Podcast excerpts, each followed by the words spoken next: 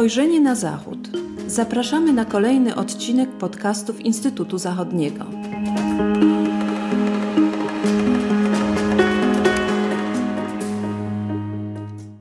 Dzień dobry, z tej strony Agata Kołabunowska. Witam Państwa w kolejnym odcinku podcastów Instytutu Zachodniego.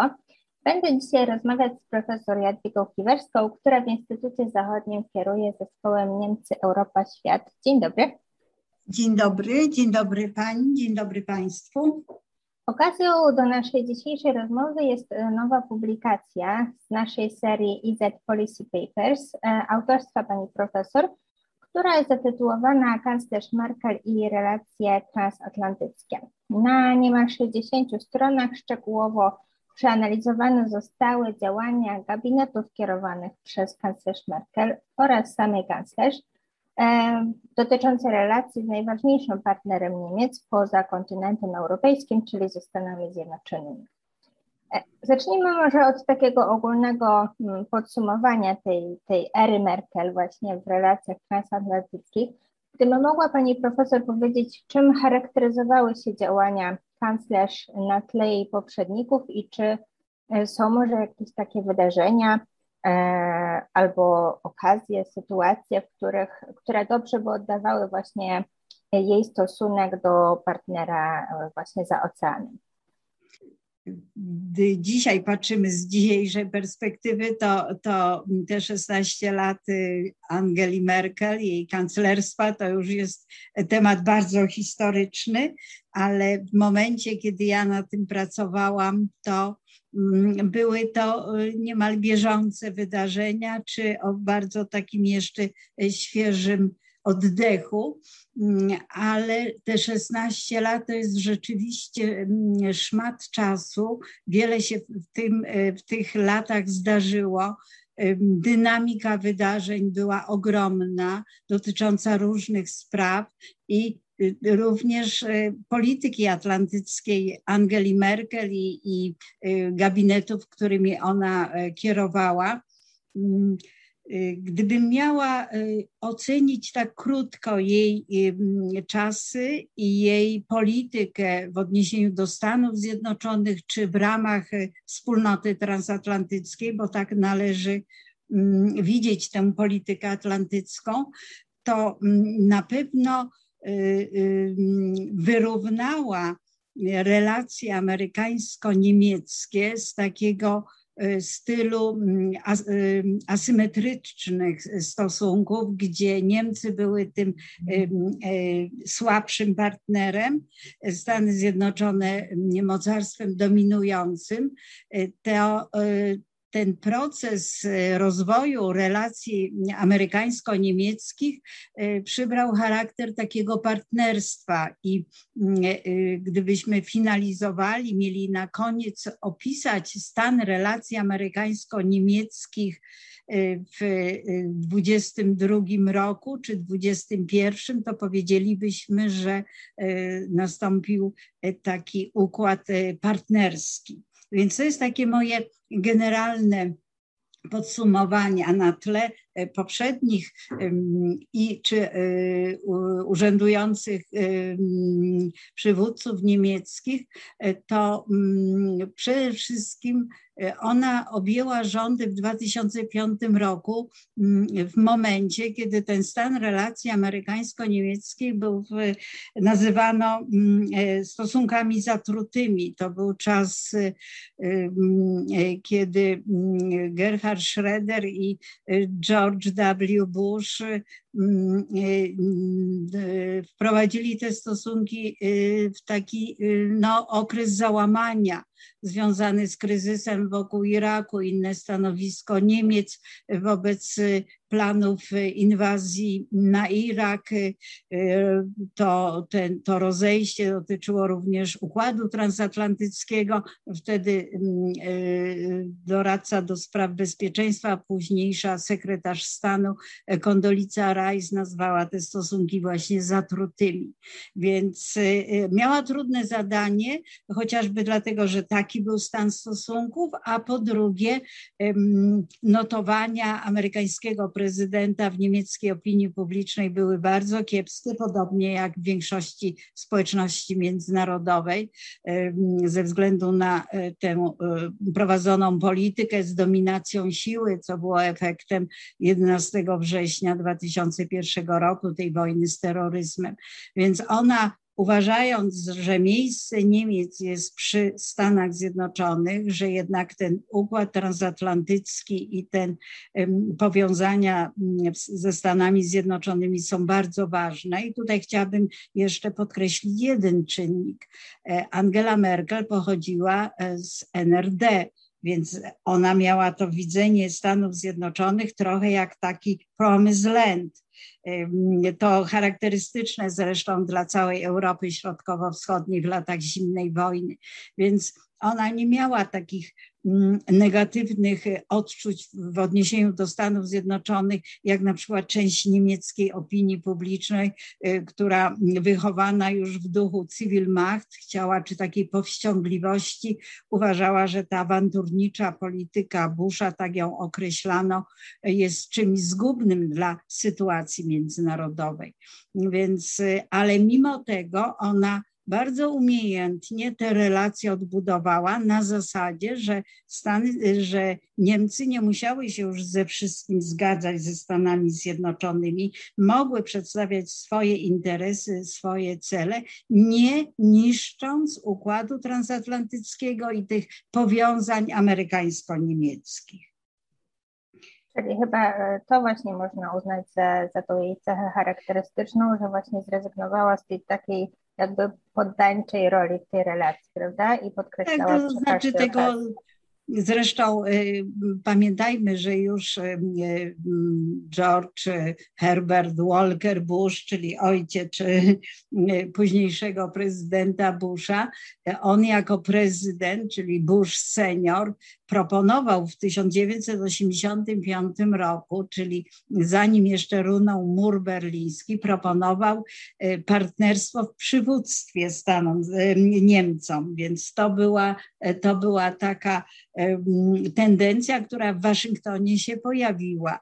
E, więc e, wzrost e, pozycji Niemiec w kalkulacjach i rachubach Stanów Zjednoczonych było czymś, o czym Amerykanie mówili wcześniej. W okresie administracji Busha i kanclerstwa Schrödera proces był raczej odwrotny, ten wzrost napięć, a Merkel stopniowo, i to dotyczyło nie tylko administracji Busha, ale również Baracka Obamy, a przede wszystkim Baracka Obamy, stopniowo swoją właśnie taką umiejętną polityką, z jednej strony lojalność wobec Stanów Zjednoczonych, z drugiej strony prezentowanie interesów i punktu widzenia Niemiec, na przykład na kwestie klimatyczne, gospodarcze, sprawy użycia siły jako najważniejszego argumentu mm, w relacjach międzynarodowych, ona e, budowała to partnerstwo w przywództwie. Mówimy o okresie 16 lat, to wiadomo, że to jest bardzo długi wycinek czasu i w naszej krótkiej rozmowie będzie trudno opowiedzieć o wszystkich jakichś zawiłościach. Dlatego prosiłabym Panią Profesor e, o wskazanie takich e, momentów w okresie tych 16 lat kanclerstwa, które można by uznać za czas e, najlepszy w relacjach niemiecko-amerykańskich, a który za może najmniej korzystny. I jakie były tego przyczyny, a może jaką rolę w tych właśnie najlepszych i najgorszych momentach odegrała sama kanclerz?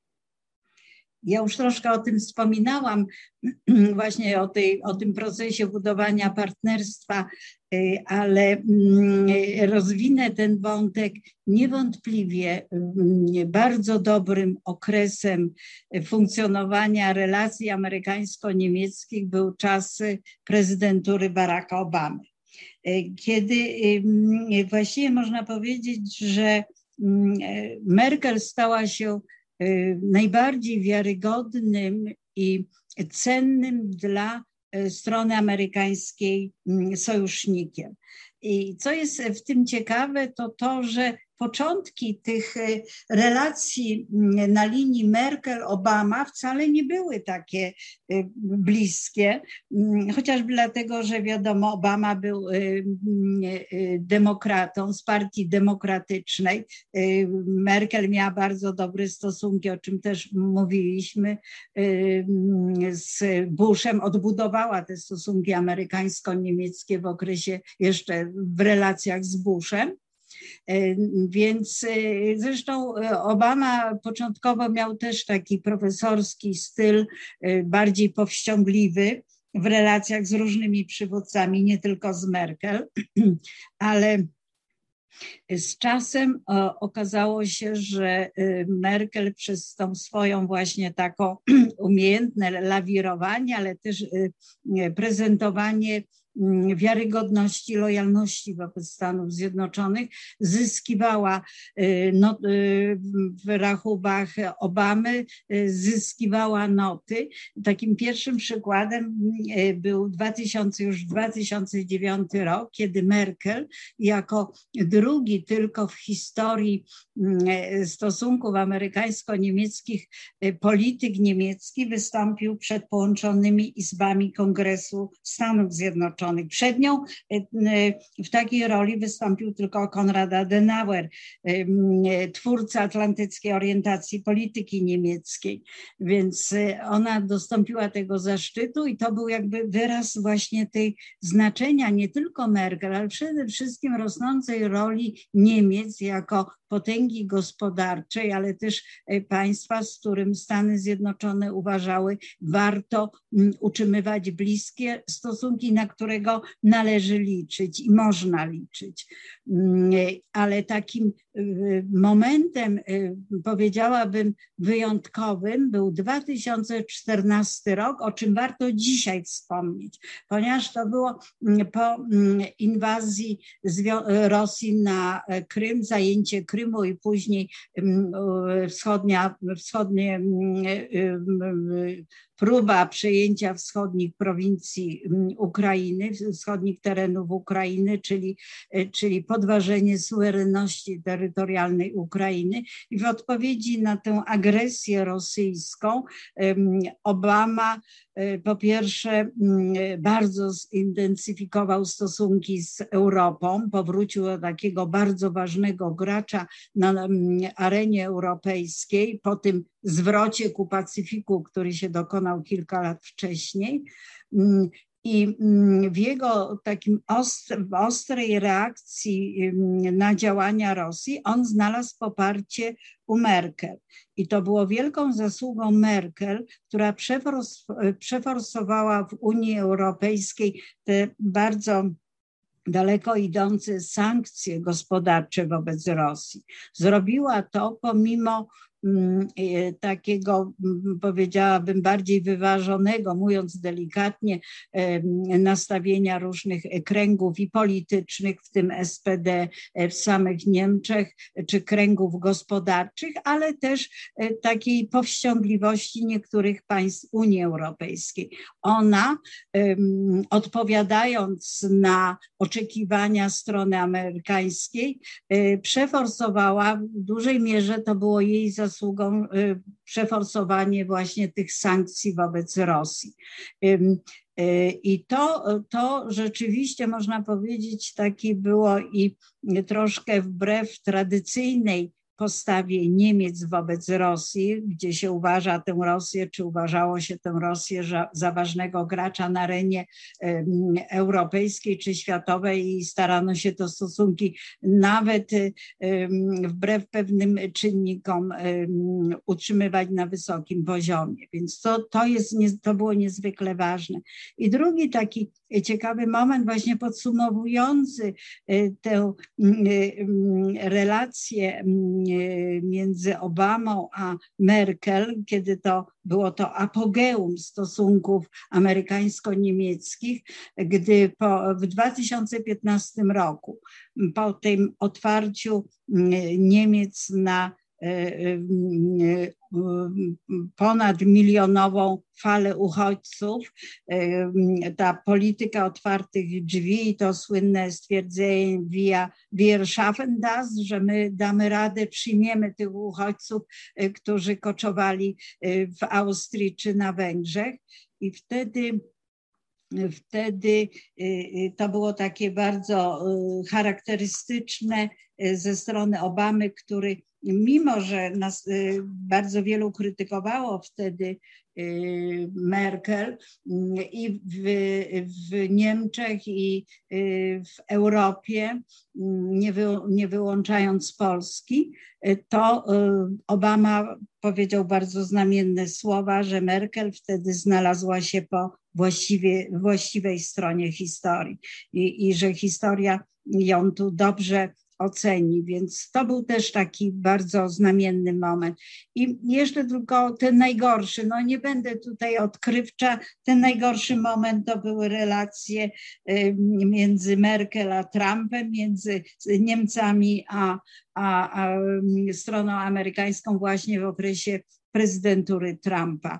Y, to jest, y, to tutaj naprawdę mm, y, wina leżała po stronie Trumpa. Ewidentnie, który mm, uważał Niemcy za swojego wielkiego rywala gospodarczego i ta jego transakcyjna polityka podporządkowana mm, interesom ekonomicznym i wąsko pojmowanym interesom amerykańskim spowodowała, że te stosunki amerykańsko-niemieckie były bardzo napięte. Merkel mm, była, mm, można powiedzieć, osobiście wywoływana do tablicy przez Trumpa. On zupełnie inaczej niż Obama oceniał jej zachowanie w czasie kryzysu migracyjnego w 2015 roku. Bardzo to krytykował i takie, e, powiedziałabym, nieprzyjemne e, czasami mm, wycieczki pod jej adresem, które miały na celu osłabić jej pozycję na arenie międzynarodowej, ale e, i tym samym podważyć pozycję Niemiec i w Europie, i, i w skali globalnej. Więc na pewno był to najgorszy czas w czasie kanclerstwa Angeli Merkel. Mhm. Przypomnę jeszcze słuchaczom, że o relacjach transatlantyckich, niemiecko-amerykańskich e, w okresie prezydentury Trumpa nagrałyśmy z panią profesor e, inny odcinek podcastu, to jest odcinek 37 i e, serdecznie tam odsyłamy, jeśli ten wątek Państwa interesuje. A my już przechodząc do końca naszej dzisiejszej rozmowy, Pochylmy się jeszcze nad jedną kwestią, już odwołując się do momentu, w którym jesteśmy dziś. Jak relacje niemiecko-amerykańskie wyglądały na końcówce kanclerstwa Merkel i z czym zostawiła ona nowy gabinet właśnie w tym e, zakresie polityki zagranicznej? No tutaj oczywiście zmiana w Białym Domu miała zasadnicze znaczenie. Po tym y, trudnym okresie y, y, w czasach Trumpa mm, do Białego Domu wprowadził się Joe Biden, którego mm, w Niemczech i podobnie jak w wielu państwach europejskich witano mm, bardzo serdecznie, bo napięcia w relacjach transatlantyckich były ogromne i można powiedzieć, że mm, mm, te, ten układ, y, ta wspólnota transatlantycka mająca przede wszystkim znaczenie y, w zakresie bezpieczeństwa była dość zdruzgotana i, i, i mm, nadwyrężona więc tutaj oczekiwania były wielkie i wiązane z Bidenem.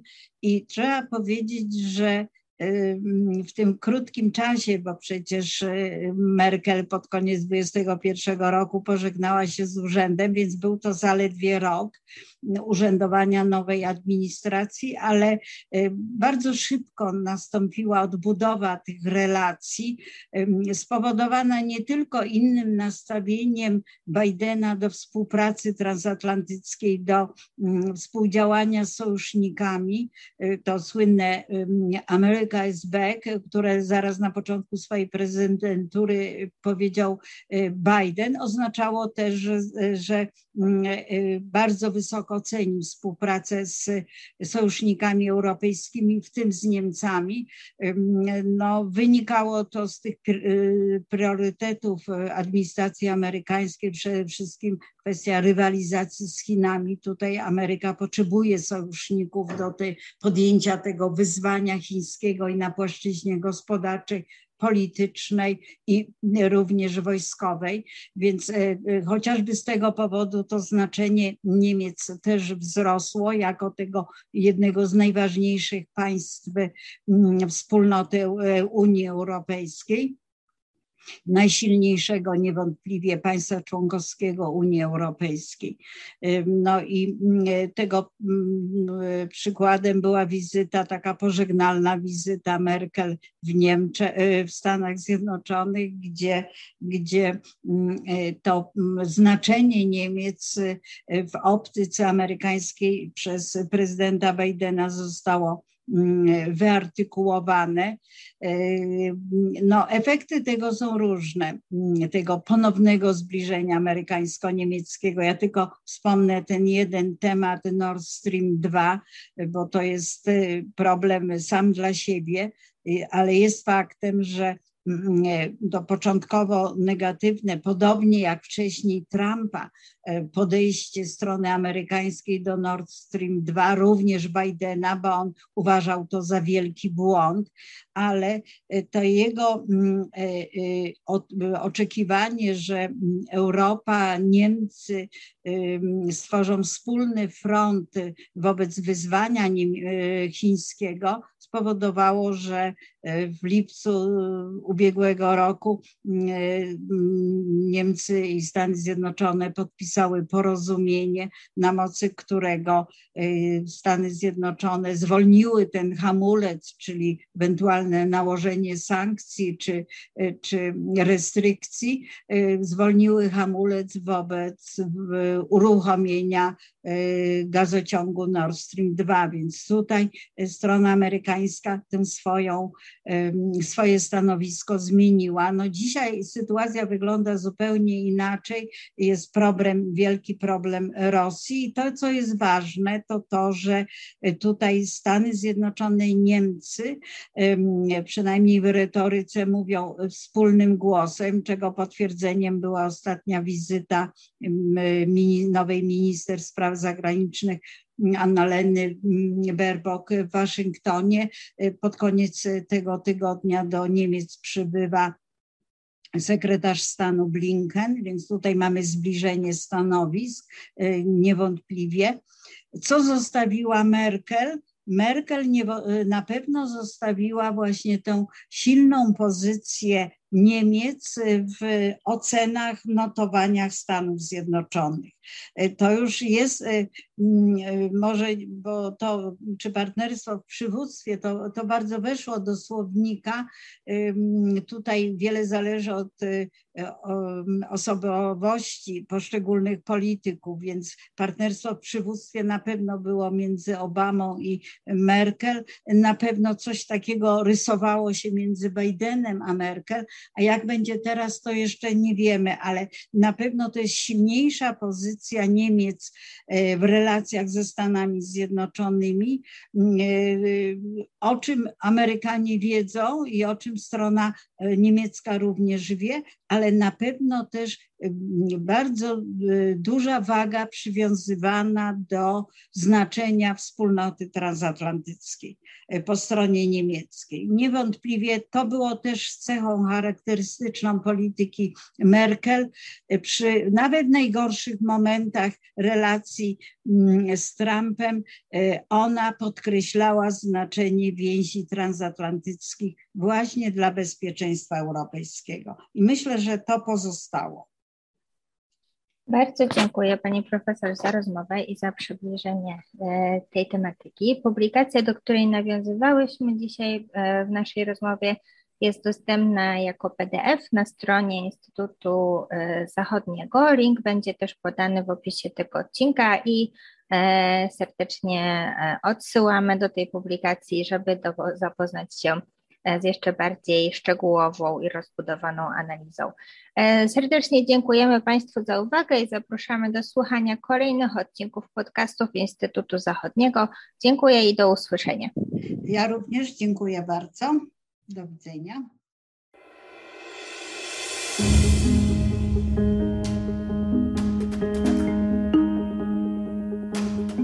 Spojrzenie na Zachód. Podcasty Instytutu Zachodniego. Podcasty Instytutu Zachodniego dostępne są na platformach Spotify, SoundCloud i Apple Podcasts oraz na portalu YouTube. Zapraszamy do subskrypcji. Dzięki niej będą Państwo na bieżąco z wszystkimi naszymi nagraniami. Do usłyszenia.